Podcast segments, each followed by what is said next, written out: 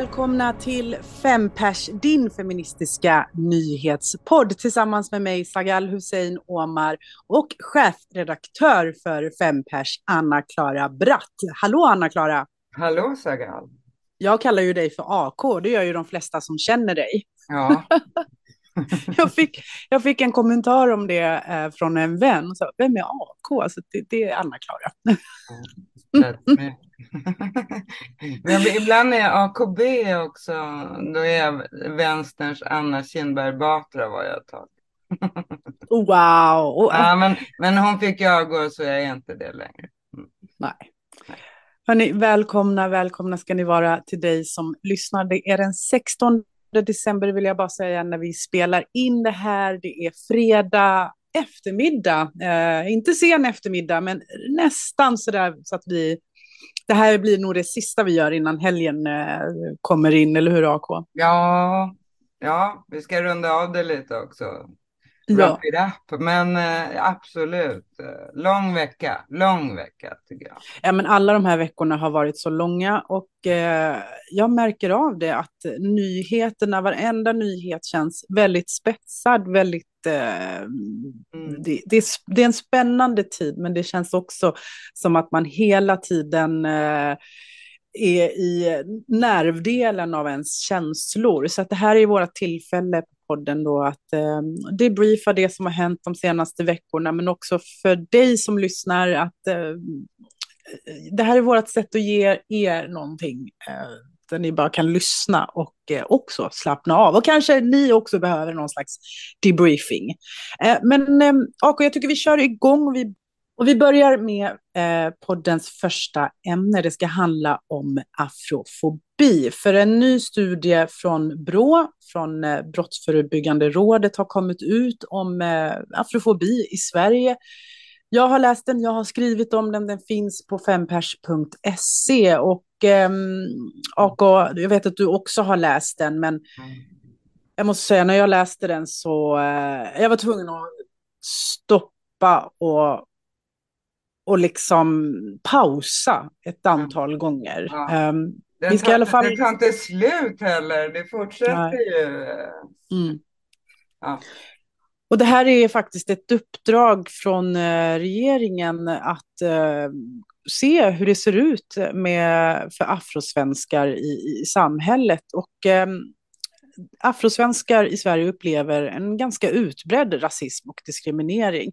Och, och det berör många områden i livet, bland annat eh, ens karriär, ens sysselsättning, ens utbildning, polisväsende, rättsväsendet och för att inte glömma sjukvården. Mm. Och den här nya studien då eh, från Brå bygger på granskningar av 430 polisanmälda afrofobiska hatbrott och intervjuer med ett 20-tal drabbade som har gått hela vägen och anmält om hur brottet har påverkat dem. Och det var, det var de här vittnesmålen, AK, som jag tyckte var extra spännande faktiskt i, i, uh, i den här rapporten. Mm. Men vad vi vet nu från den här rapporten är att brotten domineras av uh, verbala attacker som n-ordet eller andra nedsättande ord som att kalla någon för, apa Eh, det har hänt mig en miljon gånger vill jag säga. Nej, eh, en del av anmälningarna har gjorts av eh, personer som har blivit kallade för slav eller för där man drar referenser till slavhandel. Så det är kolonialismen kommer in i det hela och det gamla klassiska och hem till Afrika. Mm. Men det som särskiljer afrofobiska hatbrott från andra hatbrott är att i nästan en femtedel av anmälningarna så har det kommit, förekommit våld. Mm. Eh, som till exempel att man blir eh, attackerad av en främling på en allmän plats. Och det som är speciellt med de här våldsattackerna är att de oftast också leder till fysiska skador. Så att det är liksom, ofta, det kan nästan jämföras med crime of passion som amerikanerna pratar om, att det finns så mycket passion i det här hatet. Liksom, ja, så att ja. det blir fysiska skador. Det var ju också unga, det var ju också riktat mot uh, unga personer, mot barn. Mm. Det, det tyckte jag var väldigt anmärkningsvärt, även om man känner till det. Eh, så, så tycks ju det bli värre, att det liksom tar sig ner i åldrarna och upp i åldrarna. Och däremot måste jag ju säga att jag välkomnar den här rapporten. För att det har ju funnits två oberoende av varandra studier från afrosvenskarna som vi har skrivit om tidigare, men det här är ju hårddata svart på vitt. Eh, vilket, eh, ja men ändå, det, det har ju varit en lång kamp för att få upp den här frågan. Sveriges vanligaste rasistiska brott under lång tid. Mm. Så att det känns ändå som en, en viktig markering att den här studien kom nu. Men det ja, var ju absolut. värre. Och att vi hade... inte bara får veta hur brotten, alltså vad det, är, vad, vad, det är för typ av brott, men också vem, vem brottslingen är så att säga. Och mm. att det är ju skoleleven, kollegan, mm. mm. grannen och, och främlingen. Så att det är liksom hela spektrat mm. här. Mm. Och i rapporten så har de ja, liksom pekat ut fem olika typfall kan man säga. Och eh, en är då angrepp från främlingar som oftast sker på öppen gata, eh, mm. på torg och kollektivtrafiken. Mm. Men sen det du nämnde då, att nästan var fjärde av gärningspersonen av afrofobiska hatbrott är minderåriga. Så att mm. hot och våld i skolan är jättevanligt när det mm. kommer till afrofobi. Mm. Brotten sker oftast på mindre orter, eh, inte runt eh, storstäderna. Och flera som Brå då har intervjuat i den här eh, studien har eh, beskrivit sin uppväxt i mindre orter och eh, i synnerhet då våld och hot från eh, skolelever. Det tycker um, jag, det var lite förvånande och på ett sätt var det lite glädjande.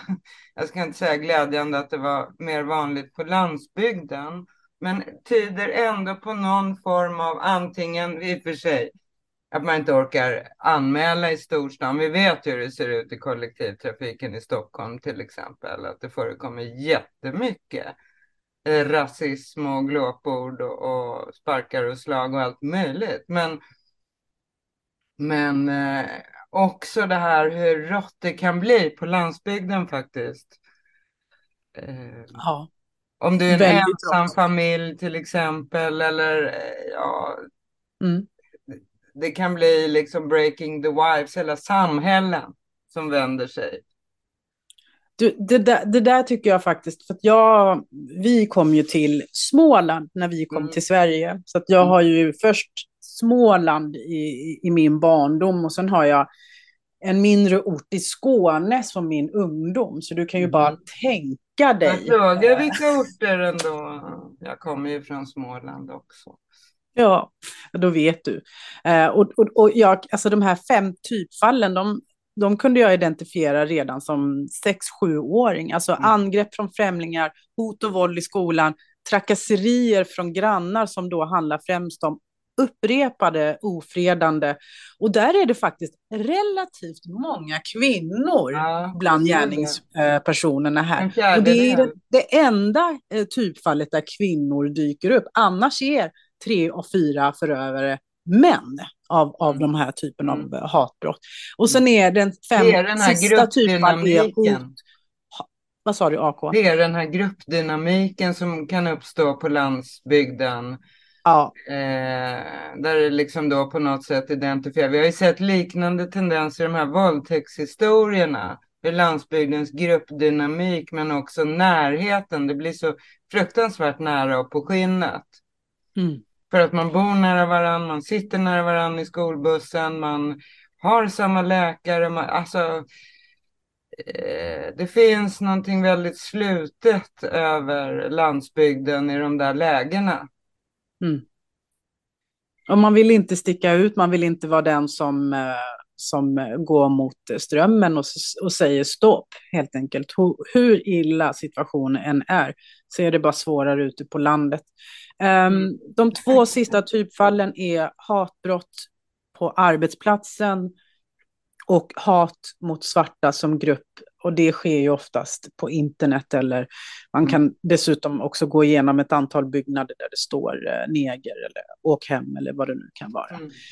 Mm. Um, ja, hörni, jag har skrivit lite om vittnesmålen också. Uh, hela finns att läsa på fempers.se. Men jag, alltså det, här, det här har varit hela mitt liv, AK. Det har varit...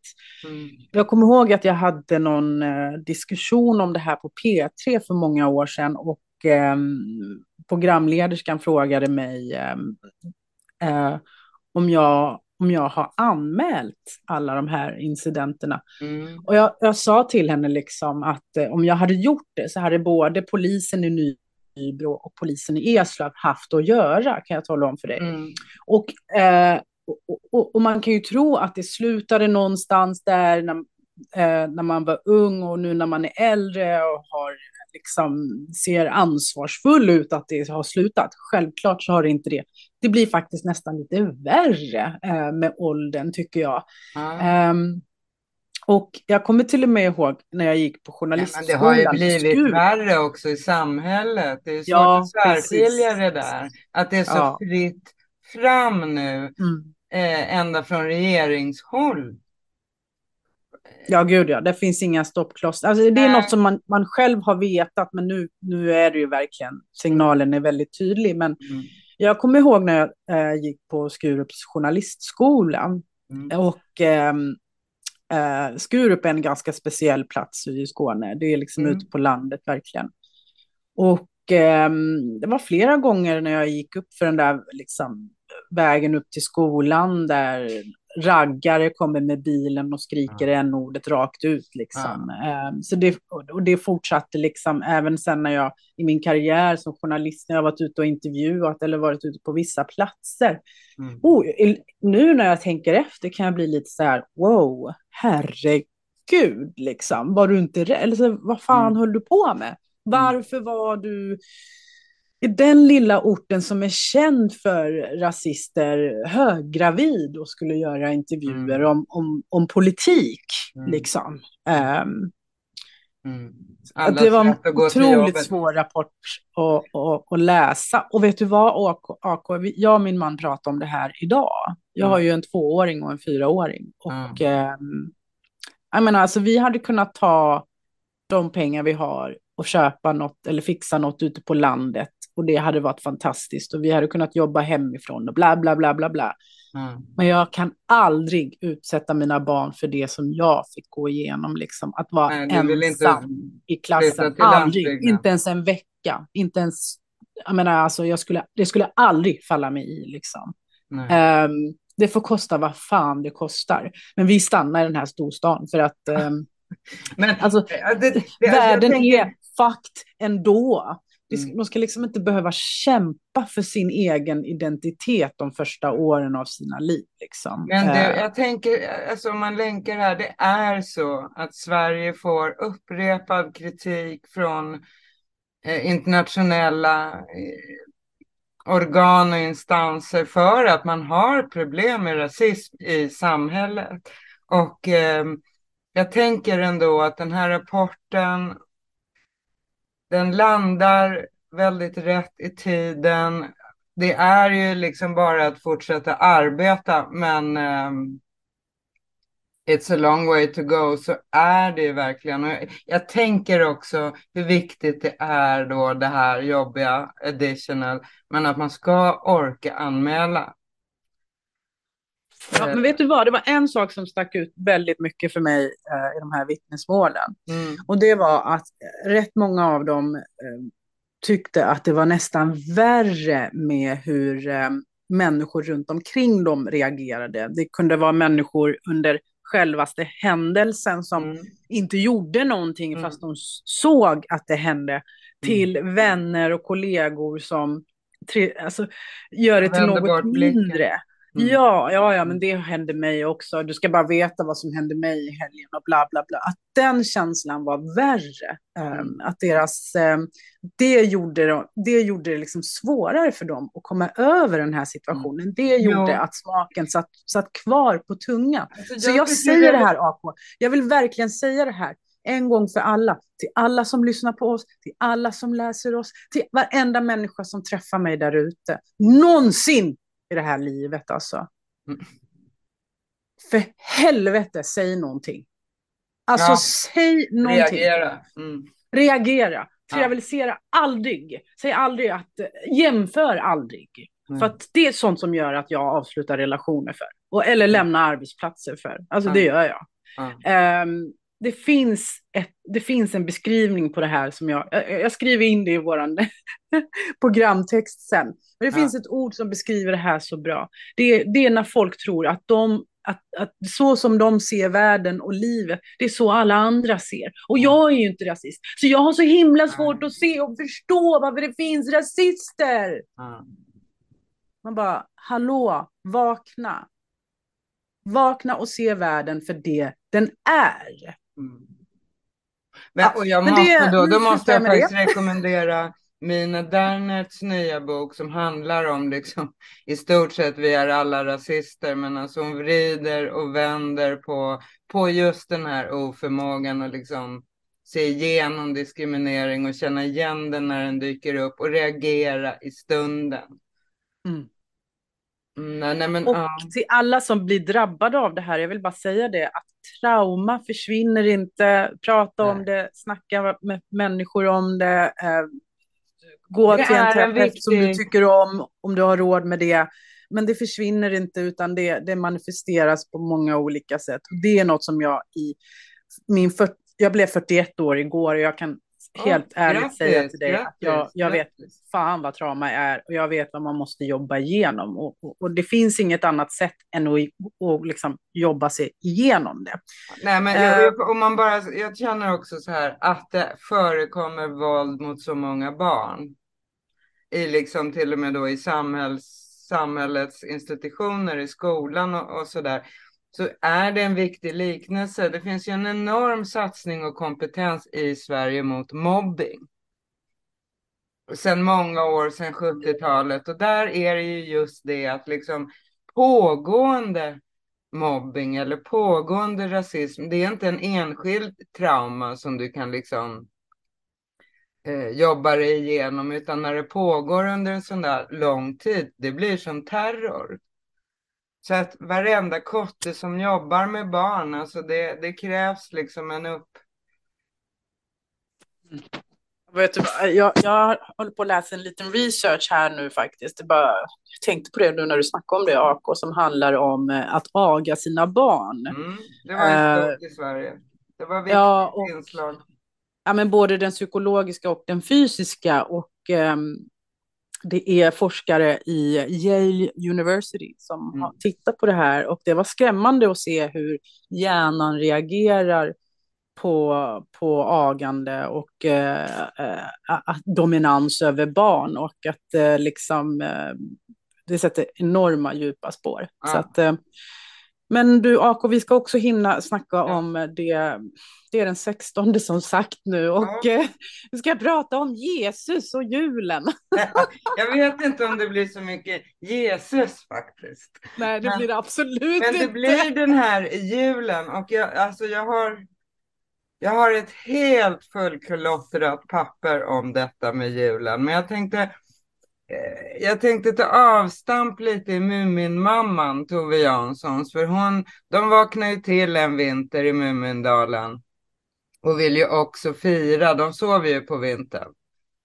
Men de vill också fira den här julen och de är ju helt övertygade om att julen är en person som ska komma. Och man ger alla de här presenterna och, och som runt granen och girlangerna och så till den här personen, julen.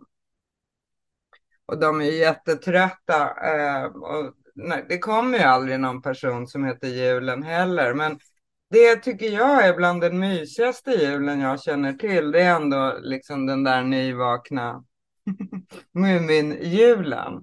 Men eh, jag har tänkt också ta hjälp faktiskt av ett Instagram-konto som jag vill rekommendera apropå julen. Och det är Jessica Hallbäck som gör roliga skyltar och har givit ut böcker om dem också. Och hennes två senaste, de, de är så här. 1. du behöver inte vara kvinna för att styra upp julfirandet. Och det, det, känns, ju, eh, det känns ju inte riktigt sant. Va? Utan på något sätt verkar det ofta vara så då att eh, det måste du. Men eh, då kan man bestrida det och då har hon också lagt ut den här. Så blir ditt hem redo för jul. Ha ett hem och vänta in jul. Och eh, jag tycker det är ganska bra inställning. Eh, vi är ju väldigt många då. Dels så är vi många som inte firar jul. Sen är det många som firar jul och av dem är det väldigt många som nu har ganska stora hål i kassan och svårt att ha råd med den här julen. Och då har jag fördjupat mig liksom i billiga saker. Mm. Man kan det göra tycker jag är lysande. Jag ja. behöver det. Och det första på min lista det är så här. Gäller det barn från ett till fyra år? Det kan slå in nästan vad som helst. Och då framför allt eh, någonting begagnat. Alltså är det en tvååring går det ju bra att slå in eh, brödkaven eller alltså något du redan har hemma. Mm. Och så har jag amerikansk studie att folk, folk som nu råkar ha positiva minnen av julen. Eh, de har det för att det har stimulerat alla sinnen. Jag menar, kommer du ihåg vad du fick i, i julklapp eh, 1999? Jag firar inte jul, så det, det var väldigt lätt att, ja, att säga. nej, och du känner, nej, nej, du känner eller inte eh, Vet du vad du gjorde då julen 1900? Eh, Nej, absolut inte. Jag vet inte ens Nej. vad jag fick för födelsedagspresent för fyra år sedan. Så Eller det... hur? Nej. Det, det, är min poäng här. Och nu tycker jag att det känns lite roligare att vara fattig i jul. För att nu kan man ju faktiskt vara fattig på ett världsförbättrande sätt. För att det, eh, det sämsta som kan hända i alla fall i Sverige just nu, det är att det blir en sån masskonsumtion av prylar som liksom tjoffar upp inflationen och sänker värdet på allas, allas eh, löner till januari då, som brukar vara fattig ändå. Så att jag vill också rikta mig till de som har mycket pengar. Köp inte mycket julklappar använt begagnade saker och eh, slå in någonting du redan har hemma till eh, barn mellan ett och fyra. Sen börjar det ju bli lite krångligare. Jag hör, du är ju inte där än. Att, eh, att trycket utifrån och annonserna på tv-reklamen och andra klasskompisar i skolan och det där liksom kommersiella trycket. Men då vill jag återkomma till det här om fem sinnena. Va? Att eh, om man nu firar helg om det så faktiskt inte är jul. Så om man vill att ens barn eller barnbarn ska komma ihåg det, då är det viktigaste sättet det är att det luktar någonting. Och det kan ju vara allt från doftljus till eh, en apelsin. Det är inte så noga. Det går liksom bra att lägga några kardemummakärnor i mikron. Men det är viktigt att det luktar något. Och, och sen så ha på musik eller något ljud av något slag för hörseln. Och eh, någonting corny som syns för ögonen. Och sen har vi det här med känseln då. Och då är det ju helt enkelt var fysisk va? Gosa och mys och pys. Fick jag med alla då? Ja, absolut. Ja. Och sen, eh, sen har jag en annan här som jag tycker är viktig om vi ska stoppa inflationen. Och det är liksom efterlys julklappar i grannskapet och eller byt. Därför att eh, vare sig det är födelsedagar eller jul eller vilken helg det än är så är vi många som har alldeles för mycket leksaker i förråden. Och eh, många leksaker har ju ett barns liv extremt kort livslängd. Mm. Till exempel har jag docksäng dockvagn, sittdockvagn, litet dockhus. Eh, det finns ingen som helst anledning att eh, köpa nytt när det finns gammalt. Och det finns ju kartonger i återvändning och så vill jag påminna lite om så här. Man drar fram något på bordet då och då påminner Konsum nu här. Ställ in maten i kylen igen för då kanske du får liksom några dagar ledigt med bara rester. Ja men faktiskt, för det är en som jag ser en stor poäng med julen då att man bara, ja men ta paj och köttbullar, det finns i kylen. Ja, absolut. Ja, och sen Absolut. vad hade jag mer här? Ja, så tyckte jag det var lite bra från eh, Astons skola också. De gick ut idag, det var första gången jag såg min sons skola. De gick ut och påminde om för barnens skull, drick inte för mycket alkohol under helgerna. Är det sant? Ja, det var första Okej, gången jag såg det har jag aldrig hört. Det, det, kära lyssnare, har du hört det från din skola? För det enda jag ser överallt, det är en massa kling, kling, kling, kling, kling, kling, Ja. kling, kling, kling. Ja. Folk som köper in eh, massa alkohol till julfirandet. Ja. Eller hur? Okej, vad spännande. Det, alltså, det det är ett stort gammalt svenskt problem med liksom fylla och skilsmässor och bråk på julen och sådär.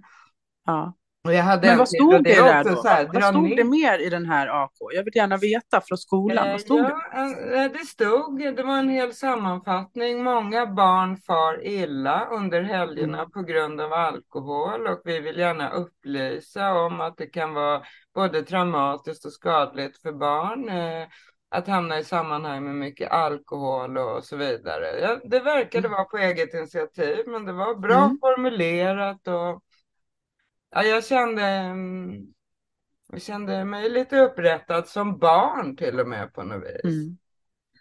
Det är lite risky det där, för att i en skola med så många... Ja. Jag tänker i en skola med så många barn och föräldrar så, Mm. så är det ju ett antal viss procent som ändå dras med de här problemen. Liksom. Så att det är inte så självklart för en skola att, att, att liksom mm, tydligt förmedla det där, liksom, Nej. eh, vad Det folk ska göra på sin fritid. också. Att det räcker ju med att det är ett barn som far illa. Nu är det här en stor skola. Mm. Eh, Men, men jag tycker det är skickligt gjort också att göra det vid ett tillfälle när faktiskt alla behöver höra det. Och Ja, jag men, eh, tycker också så här att är det något man liksom kan spara in på så är det alkoholen. Och så min, mitt Ja, skippa alkoholen för guds skull. Ja. Alltså, alltså, jag tycker faktiskt det. Jag Ja. tycker det. Eh, för det första så är det inte så mycket mat med substans för att ens hålla på och dricka de där mängderna. Liksom. Nej. Det, det, Nej, nej, nej. det, Det är gammal sill ofta. det är sill och ägg och köttbullar. Och, alltså, Mm. Nu har jag bott här i Danmark i ti- över tio år. Jag kan ju inte påstå att jag saknar den svenska jul, julmaten. Men fy fan för dansk julmat ska jag tala om för dig. Alltså. Ja, det är ännu mer. det är ju bara fläsk och korv. Fan! Alltså jag kan Men inte du, äta jag har en något. Jag kan till inte ens punkt. Jag röra måste, få det. jag måste få med den här punkten också. Får jag rekommendera kollektivjul och knytkalas? Ja, För att de flesta barn, de vill ju faktiskt leka med andra barn. med andra barn. Ja, Ja. de vill bara ha kul. Ja, eller hur? Så det är Julledighet, inte liksom konsumtion. Det, det är att vara Nej. ledig, det är att sitta uppe länge, det är att se filmer. Jag Ja, som aldrig har firat med jul mamma har jättemycket pappa. bra julledighetsminnen med mina kusiner, för vi Ja. var lediga samtidigt. Liksom. Ja, spela kort eller vad man nu gör. Ja, Ja, men jag, gud, spela kort ja jag skulle vilja på något sätt eh, verkligen skicka med det att tagga ner den här så kallade julen. Ja, men jag tycker att man kan absolut, eh, om man älskar att kalla sig själv för en bra vän eller en bra kollega eller en bra whatever, så tycker jag man kan eh, ta, ta, ta, ta den här tiden och faktiskt tänka efter, liksom, är det någon i min, eh, liksom, min närhet, umgänge, så- där det inte är självklart att de har något att göra under jul. Mm. Jag kanske ska bara bjuda in dem och ehm, ja, alltså, nu är ju också jul för många ändå rätt mycket folk och mat och massa, det händer saker eh, hela tiden. Men om man inte vill det så kan man också bara checka in på en hotell och glömma det hela. Ja. Alltså jag tycker inte man, man ska behöva bli så himla styrd av de här eventsen varje år. Alltså jag tycker Nej. man måste kunna få välja att bara så här, nej men jag skiter i jul i år. Jag checkar in på en hotell när ingen annan bor på hotell och, eh, och går runt i stan när ingen annan är där och ja. bara är själv ett par dagar också. För att relationer är inte enkla och de är definitivt inte enkla när det är så här högtider. Det, det är det enda jag kan säga när jag firar mina högtider, så är det liksom oj, eh, hur mycket orkar man? Ja, nej men jag brukar vara helt slut efter de här helgerna och då har vi ändå inte så ambitiöst program. Det är inte så att jag direkt lagar någonting. Men, men, men, men alltså jag har någon liten dröm här. Kan det vara så att vi börjar att runda av den här liksom sjuka konsumismen? Som hela 1900-talet liksom. Och jag hoppas det. Det var det, det var det jag tänkte att jag hoppas verkligen det. För nu, jag tycker julen på många sätt, jag tycker många har taggat ner med presenter. Det har varit en trend ganska länge tycker jag faktiskt. Mm. Men Eh, alltså, hallå, fan, jorden håller på att gå under för ja. att vi håller på att konsumera ihjäl oss. Alltså, ja. Det finns ingen som helst orsak till att köpa sig nya kläder om man redan Nej. har en garderob fylld med kläder. Eller, man har, eller nya skor fast man redan har tio par skor. Det är fan sjukligt mm. att vi håller på mm. så här. Mm. Um, tycker jag. Alltså, jag har inte konsumerat på över tio år på det viset. Och det var för att jag gjorde en dokumentär för uh, Utbildningsradion om, om kläder och mm. om hur, alltså hur, vad, vad, kläder kommer ifrån, hur hela kedjan ser ut. Mm. Och det kändes som att gå in, när jag gick in i H&M kommer jag ihåg att det kändes som att gå in i ett rum fylld med döda djur eller döda, döda ting. Ja, liksom. aha, du Förstår du? Sån, det är samma känsla jag hade när jag blev vegetarian när jag var yngre. Att jag ja. såg slaktmarknaden för vad den var och det var samma sak här. Mm. Och sen dess har det varit jättesvårt för mig att motivera varför jag ska köpa en ny tröja mm. för att jag ska ja. till fest. För att jag ser hur människor lider bakom det här och jag ser hur allt annat lider med det. Och det, Ja, men du, eh, hur många minuter har... har... vi kvar på våra Nej, inte många, men jag ska faktiskt säga alltså, vi har så himla bra soprum där jag bor. ja, men det är helt enkelt så att alla, det har vi också faktiskt. alla ställer ner saker där och då är det så. Det finns några grabbar som är äldre än mina barn så då ställde de, ställer de ner eh, skridskorna där. Och så har jag haft dem ett år. De har ju, lever ju max ett år skridskor. Mm. Mm. Och sen nu har jag ställt tillbaka dem. Jag ska ta en repa idag igen faktiskt. Jag ska gå ner med lite allt möjligt. Och sen, sen ska jag bjuda in till mitt förråd och se om jag kan kränga docksängen och, och sittvagnen och, och det lilla dockskåpet också. Och gosedjur. Det tycker jag. Jag tycker det där är faktiskt en jättebra idé. Ja. Um, ja. Alltså vi, här, här i Danmark är det vanligare att man uh, ger bort grejer. Alltså man ställer jag tror det är sista lördagen i månaden så kan man ställa ut grejer faktiskt ut på vägen för då kommer mm. de upp och mm. hämtar det. Eller så kan grannen ta det. Och när jag mm. flyttade hit, alla mina möbler var från min, mina kvarter. Alltså literally mm. mitt bord, min stol, min, min bokhylla. Alltså mm. sängen köpte jag eh, på Blocket, men allt annat, alltså ramar, eh, vad heter det, um, en, en, en stereo, eh, liksom, det är jätte, blomkrukor. Så mm. att, ja, det är samma jag, här faktiskt. Jag, jag har hittat grejer ute på vägen som, och sen så har jag kommit hem och bara, men fan, jag har ju köpt, jag har ju redan köpt en kaffekanna. Nej, nu lämnar vi tillbaka den. Ja. ja, men jag tycker faktiskt att det är på något sätt. Jag tycker det är skönt att det börjar bli. Jag är så pass gammal så det var liksom på. Det var ändå lite spara på 70-talet. Då var det ju oljekris. Men jag ser i förråden, liksom det, alltså leksaker i hårdplast, de håller ju tusen år. lego, du vet. Men då var det liksom spara som gäller. Så att jag har ändå haft med mig det från, eh, från barndomen. Nej men alltså, det, ja, ja men okej, okay, vad, vad är det vi säger? Vi hoppas att ni har en riktigt skön jul såklart. Tänk på dig själv, vila om du kan. Hoppa inte på karusellen för att det är en karusell alla sitter på. Eh, och om du sitter där hemma med en lite tunnare plånbok så vet både jag och AK hur det känns.